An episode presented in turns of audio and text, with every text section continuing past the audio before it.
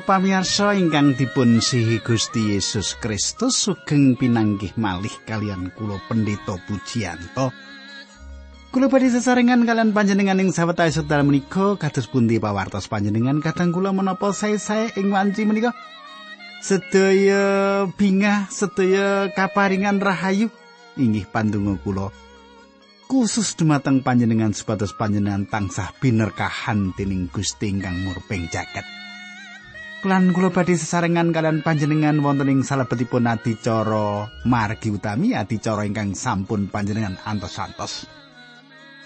Kula nembe kemawon uh, kepanggih kalian para pamirsa inggih Pak Danies gitu. Pak Sumeri nggih Ibu Sumeri wah bingung sanget nggih saged pinanggih para pamirsa.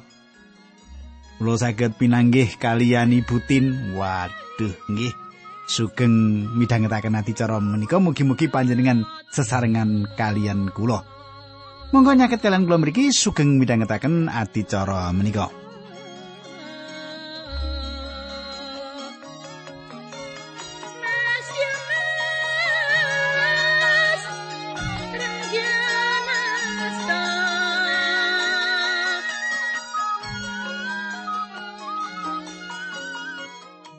Para pamirsa ingkang kula tresnani saged ugi panjenengan tasih kemutan menapa ingkang kula aturaken duk nalika pepanggen kepengker. Ing pepanggen kepengker kita sampun nyemak Yusafat sang raja Yusafat ngintunaken tiang Lewi sumebar lan mucalaken pangandikanipun Gusti. Nggih, tasih kemutan panjenengan nika nggih. Nah, kados pundi kelajenganipun nanging saderengipun kita lajengaken kita badhe ndedonga langkung rumiyin. Duh Kanjeng Rama ingkang adhedhampar wonten kraton ing kasuwargan kawula ngaturaken gunging panuwun menawi wekdal menika kawula saged tetunggilan kalian sedherek-sedherek kawula malih. Kawula nyuwun paduka berkahi wonten ing adicara menika supados tambah kawruh kaitosan bab karohanen. Dumateng sedherek-sedherek kawula menika kanthi makaten saged ngembangaken gereja saged nuwuhaken saged dipun tularaken dumateng sedherek-sedherek ingkang sanes. Dinambaran asmanipun Gusti Yesus Kristus kawula tetunggu haleluya amin.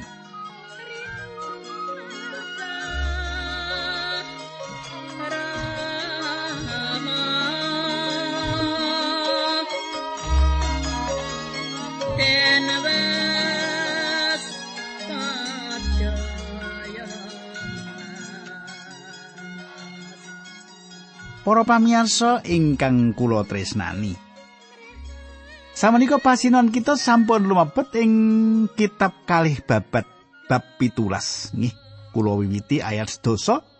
Samenika kula wasaken ayat sedoso 11 ngantos rolas. Nggih. Makaten surah sing pangandikan ing basa pedinan. Para raja sakiwa tengene Yehuda digawe wedi dening pangeran nganti padha rawaning lawan perang marang raja Yosafat malah wong Filistin padha nyaosi pisungsung rupa mas lan sloka semono uga wong Arab padha nyaosake wedhus gembel 7700 lan wedhus Jawa 7700 Mengkono Raja Yosafat saya tambah gedhe panguasane panjenengane mbangun beteng-beteng lan kutha-kutha kanggo nandu pangan rata satanah Yehuda kabeh. Para pamirsa, Raja Yosafat kedah bangun gudang ingkang ageng kangge nyimpen barang-barang ingkang dipun pisungsungaken dumateng piyambakipun. Raja Yosafat dipun agem Gusti Allah ngidapi-dapi. Ing wekdal Yehuda dumados kebangunan rohani, kahanan makaten menika gadah daya pengaruh dumateng bangsa-bangsa ing sakiwa tengenipun. Gadah daya pengaruh. Nek eneng kebangunan rohani ana daya pengaruh karo wong-wong sakiwa tengene. Malah bangsa Filistin ingkang dados mengsah langgengipun Daud samenika dados mitra lan ngintunaken pisungsung sloka minangka bulu bekti glondong pengareng-areng. Mboten wonten peperangan menawi satunggalipun bangsa gadah kekajengan kasinungan katentreman. Bangsa menika kedah sumindi dumateng Gusti Allah. Menawi wonten bangsa ingkang terus katempo ing peperangan menika ateges bangsa menika sampun ngungkuraken Gusti Allah. nek panjenengan kepingin kasenengan katentruman gitu nek panjenengan kepingin kasinungan katentreman panjenengan gesangipun kedah sumende dumateng Gusti Allah ning nek panjenengan kepingin ora tentrem uripe ya ngungkurana Gusti Allah. Rak makaten ta gitu nek diterapaken wonten ing gesang kita kados makaten. Nggih. Kula lajengaken ayat telulas. Makaten surasipun. Kutha-kutha mau dikebaki barang-barang tandon ing Yerusalem didokoki perwira-perwira sing gagah prakosa saben perwira karo pasukani. Para pamirsa, inggih kados makaten menika jaman ingkang kasinungan katentreman nanging sinaosa makaten Sang Prabu Yosafat tetep gadah prajurit ingkang migunani kangge pangayoman. Sang Prabu Yosafat menika tiyang ingkang gadah panguwasa. Sang Prabu sampun nyawisaken pangayoman ingkang kiat menawi sak wekdal-wekdal wonten serangan mengsah nanging Gusti Allah sampun maringi katentreman dumateng piyambakipun. Kula lajengaken ayat 19 nggih. Kalih raja-raja pitulas ayat 19 makaten nggih. Wong-wong kuwi kabeh sing tugas ana ing Yerusalem kejaba saka kuwi Sang Prabu yo mapanake pasukan-pasukan liyane meneh ing benteng-benteng ing wilayah Yehuda. Para pamirsa. Sang Prabu Yosafat inggih menika raja ingkang ageng bab menapa kemawon. Nanging salajengipun piyambakipun nindakaken satunggalipun perkawis ingkang boten kabayangaken. Samenika kula lajengaken pasinon kita ing kalih babat 18. Dados samenika kita ngancik kalih babat bab 18.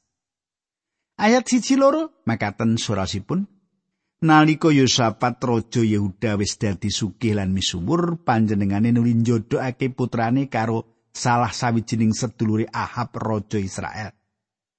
Lat sawetara taun raja Yosafat mertamu ing daleme raja Ahab ing kutha Samaria kanggo ngurmati raja Yosafat lan pandereke-pandereke Ahab nganakake pesta gedhen nyembelih wedhus gembel lan sapi akeh ana ing pesta kuno raja Ahab ngajak raja Yosafat ngluruki perang kutha Ramut ing tanah Gilead Para pamirsa lelampahan menika ketingalipun angel sanget dipun pitados pamitran ingkang dipun tindakaken raja Yosafat menika satunggalipun pamitran ingkang nyeleneh. Pamitran ingkang nyeleneh kok saged kekalihipun menika sekutonan. Tiang kali menika secara tata karohanen boten sami. Raja Yosapat menika satunggalipun raja ingkang mursid. Piyambakipun sampun kulino ndatengaken kebangunan rohani kangge bangsanipun. Yosapat menika tresnani Gusti Allah lan resnani pangandikanipun Gusti Allah kamangka. Kamangka Ahab menika tiyang ingkang boten pitados dumateng Gusti. Ahab menika sengit dumateng Gusti Allah. Piyambakipun manembah dumateng brahala lan patrapipun boten gada moral kados pundi tiang kali menika kok saged memitran? Piye nalari? Ingkang sami menika babagan menapa? Priyantun kalih menika ngawontenaken sekuton lan memitran. Memitran menika alandesan bondo donya lan ugi alandesan perkawis-perkawis ingkang asipat tata lahir. Para pamirsa menawi panjenengan memitran menika alandesane namung bondo donya kaya perkawis-perkawis tata lahir memitran ingkang kados mekaten menika ora langgeng bakal inggih Nek bandane entek terus piye? Gitu. Mumpamanipun kula pamitan kalian jenengan panjenengan bagus dilalah jenengan ora bagus apa ya jak pamitran kula. gitu. Aja ngono, kita memitran ki aja alasan toto lahir. Nah, angka setunggal kula lajengaken memitranipun Yosafat kalian Raja Ahab niki wau nggih. Wonten satunggalipun sekuton awit wontenipun neningkahan, nggih. Juram lari jaleripun Sang Prabu Yosafat utawa Raja Yosafat ningkah kalian Atalia lari setrinipun Raja Ahab lan Isabel. Atalia menika satunggalipun wanita ingkang kejem ingkang nulodo tiyang sepuhipun. Kita sampun nyemak ing salebetipun kitab Para Raja. Saged ugi tiyang kali menika gadah pikiran bilih piyambakipun saged nunggalaken gegayutanipun antawis Yehuda kalian Israel lan saged ngedekaken satunggal kerajaan ingkang boten pinisah. Pramila tiyang kalih menika mbudidaya mujudaken tetunggilan menika kanthi ningkahaken larenipun. Menapa ingkang dipun tindakaken menika lepat kadang kula ingkang dipun tindakaken menika meh kemawon nyirnakaken garis turunipun Daud. Para pamirsa satunggalipun perkawis ingkang langkung saking kacilakan inggih menika rumah tangga ingkang ajur. Rasul Paulus nyerat mriki gegayutan kalian perkawis menika nggih. Ingkang kaping kali, Sang Prabu Yosafat dan Sang Prabu Ahab bangun sekuton babagan dedagangan. Dumateng kita dipun pratelaken bilih Yosafat sekuton kalian Ahasia, lari Ahab ing wekdal piyambakipun dados raja Israel lan tiyang kalih menika ngintunaken kapal dateng Tarsis. Perkawis menika dipun serat ing salebetipun setunggal para raja kalih likur lan kalih babat kalih dosa. kapal-kapal dipun kintun kangge dagang gandum lan emas. Wonten kapal ingkang kerem lan momotanipun ical, Gusti Allah mboten badhe berkahi tetunggilan menika. Kaping tiga, Sang Prabu Yusafat lan Sang Prabu Ahab, Raja Yusafat lan Raja Ahab ngawontenaken pasekuton militer. Kalau wau dedagangan sak menika militer. Raja Ahab gadah masalah kalian Syria utawi Aram. Dados piyambakipun nyuwun Yosafat supados gabung lan kisah sesarengan dhateng Ramot Gilead. Sang Prabu Ahab ngawontenaken pesta ageng-agengan kanthi nyembelih mendo lan lembu kathah kangge nyambet Sang Prabu Yosafat. Inggih kados makaten menika caranipun ngrimuk Yosafat menapa ingkang mboten saged dipun gayuh dening prajurit kerajaan sisi ler atas kerajaan sisi kidul malah saged kagayuh Sang Prabu Ahab lan tundhonipun Sang Prabu Yosafat dipun derekaken ing peperangan lumawan bangsa Aram. Kulo lajengaken kalih babat bab 18 ayat 3 pangandikani.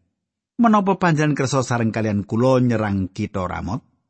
Wangsulane Raja Yosafat prayogi kita nguruk sesarengan. Tentara kulo kadadosaken satunggal kalian tentara panjenengan. Para pamiyarsa.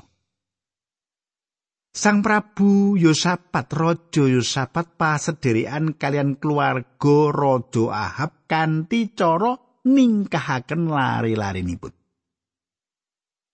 Sang Prabu Yosafat rilo sekuton lan sanjang kita wis dadi siji kita bakal bebarengan.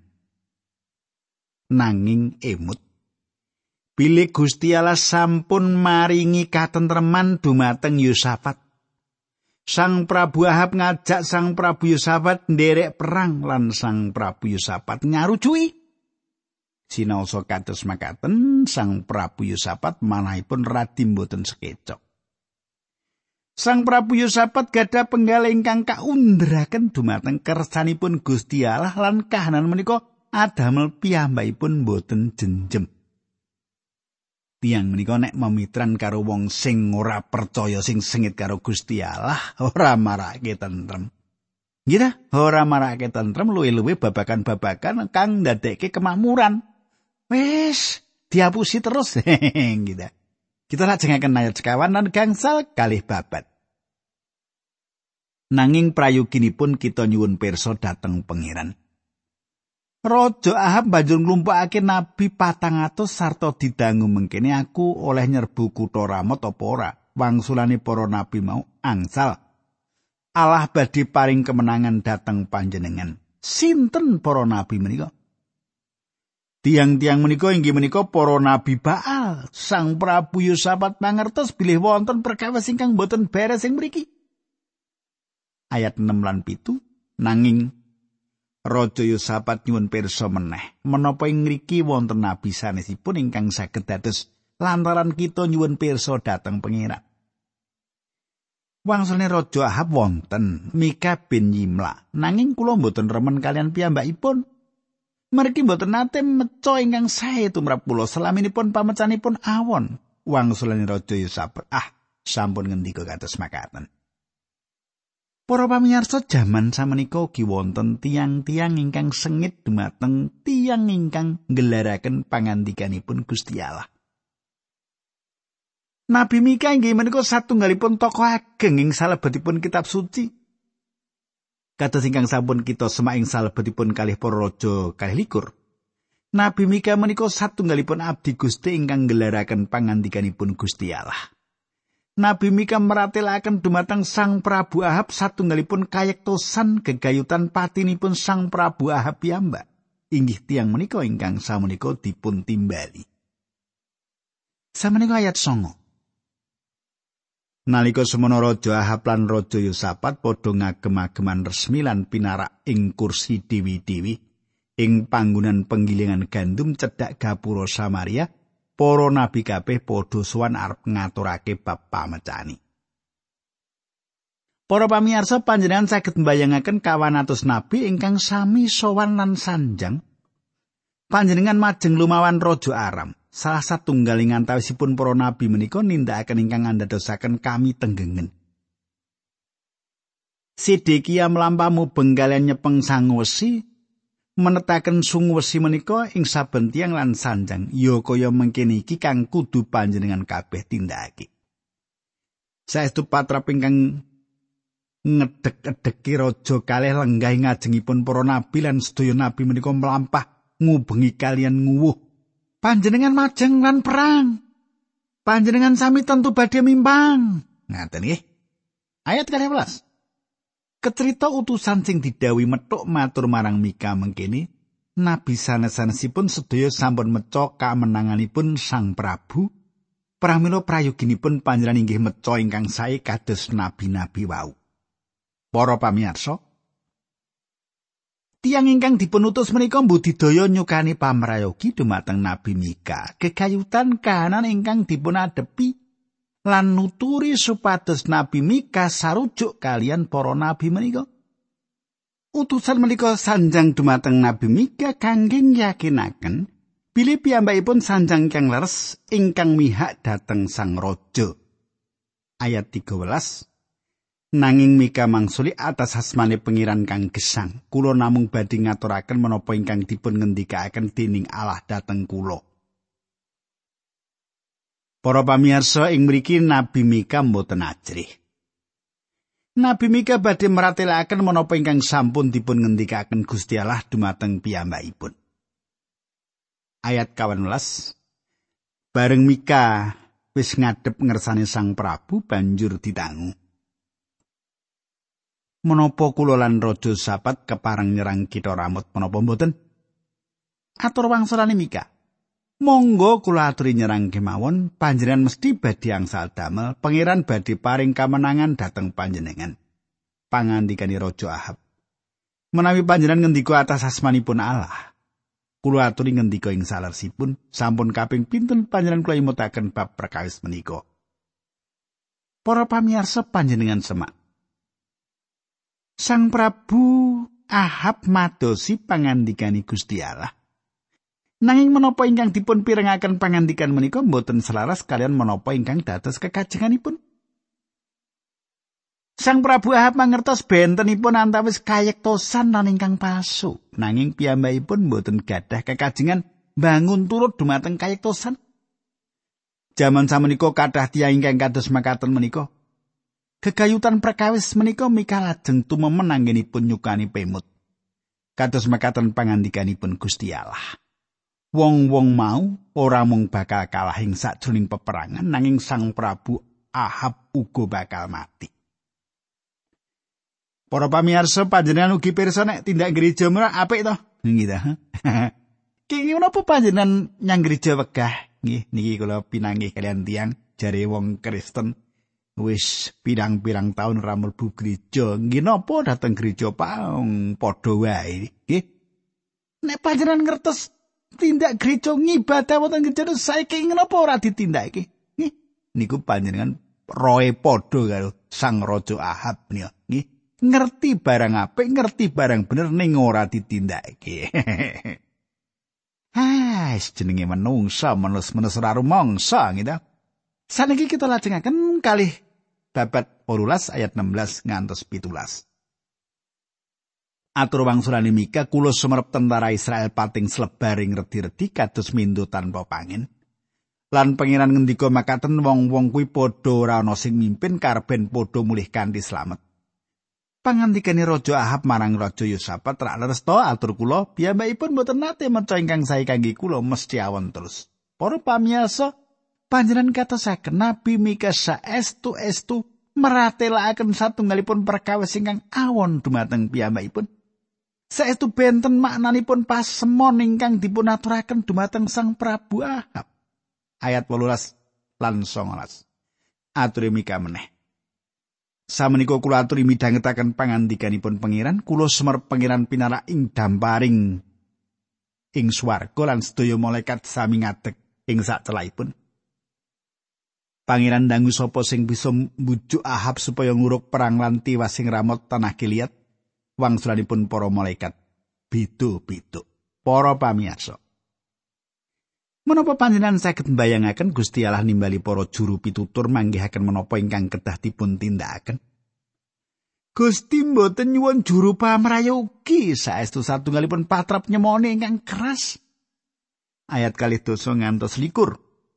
Wusana wonten roh tunggal ingkang nyelaki pangeran sarta matur, kula kemawan ingkang bujuk piyambakipun pandangunipun pangeran kepriye carane.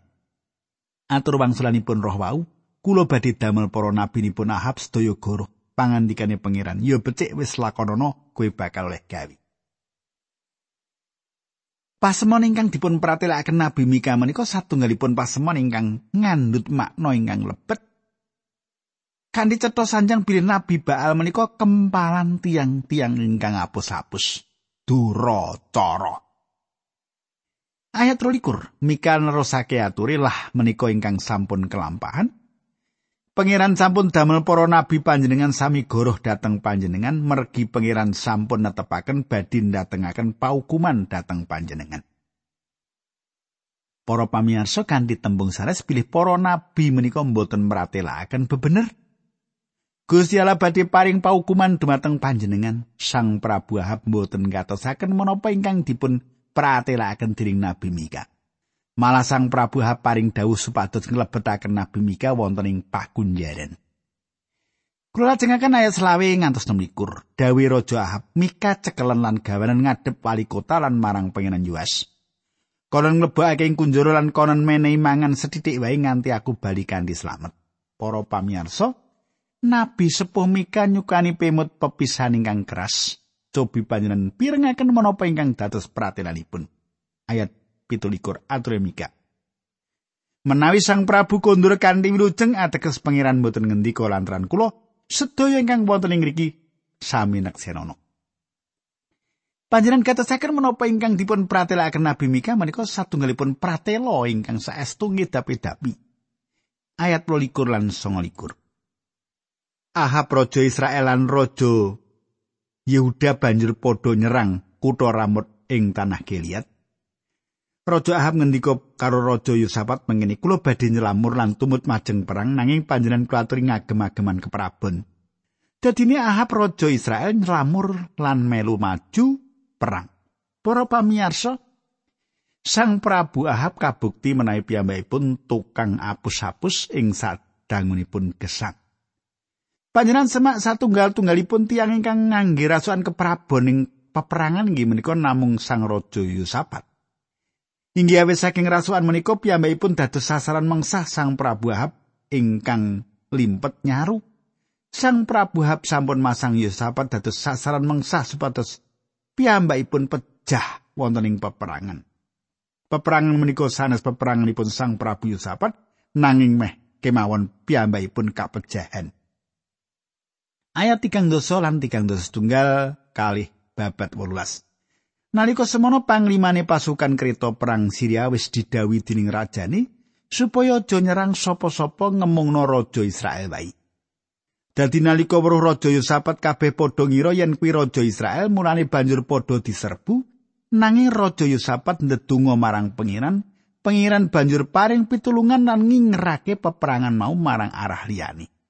Para pamirsa, Satunggal-tunggalipun sebab kenging menapa Sang Prabu Yosafat saged uwal saking peperangan ing kahanan ingkang gesang awit pitulunganipun Gusti Allah. Gusti Allah ingkang mayungi. Sang Prabu Ahab rumaos mboten lega awit kalimpatanipun piyambakipun gadah pengajeng-ajeng saged medal saking peperangan tanpa wonten kekiranganipun nanging panjenengan gatesaken menapa ingkang dumados. Ayat 3 Nanging tanpa dijarak ana prajurit Syria sing nglepasake panah, panah mau ngenani Raja Ahab ing sela-sela agemane perang Raja Ahab bengok kusir sing nglakokake kritane aku kena panah. Minggiro aku gawan metu ing sanjabane barisan. Para pamirsa ing prajurit Aram wonten satunggal prajurit ingkang manah sak sekecanipun kemawon. Prajurit menika mboten ngarah dateng sinten kemawon nanging panah menika mboten wonten seratan kangge Ahab nanging panah menika nunjem ing badanipun menapa ingkang dumados Ahab pecah pas kados ingkang dipun ngendikaken Nabi Mika. Para pamirsa monggo kita ndedonga kita punggal semanten yen dilajengaken dinten candhaipun. Kanjeng Rama ing swarga kawula ngaturaken gunging panuwun menawi wekdal menika kawula saged mirengaken dawuh pangandikan patuko. Matur nuwun sanget Gusti Yesus. Berkahi sedherek-sedherek kawula ingkang mirengaken sabda pangandikan menika linambaran asmanipun Gusti Yesus. Kawula ndedonga haleluya. Amin.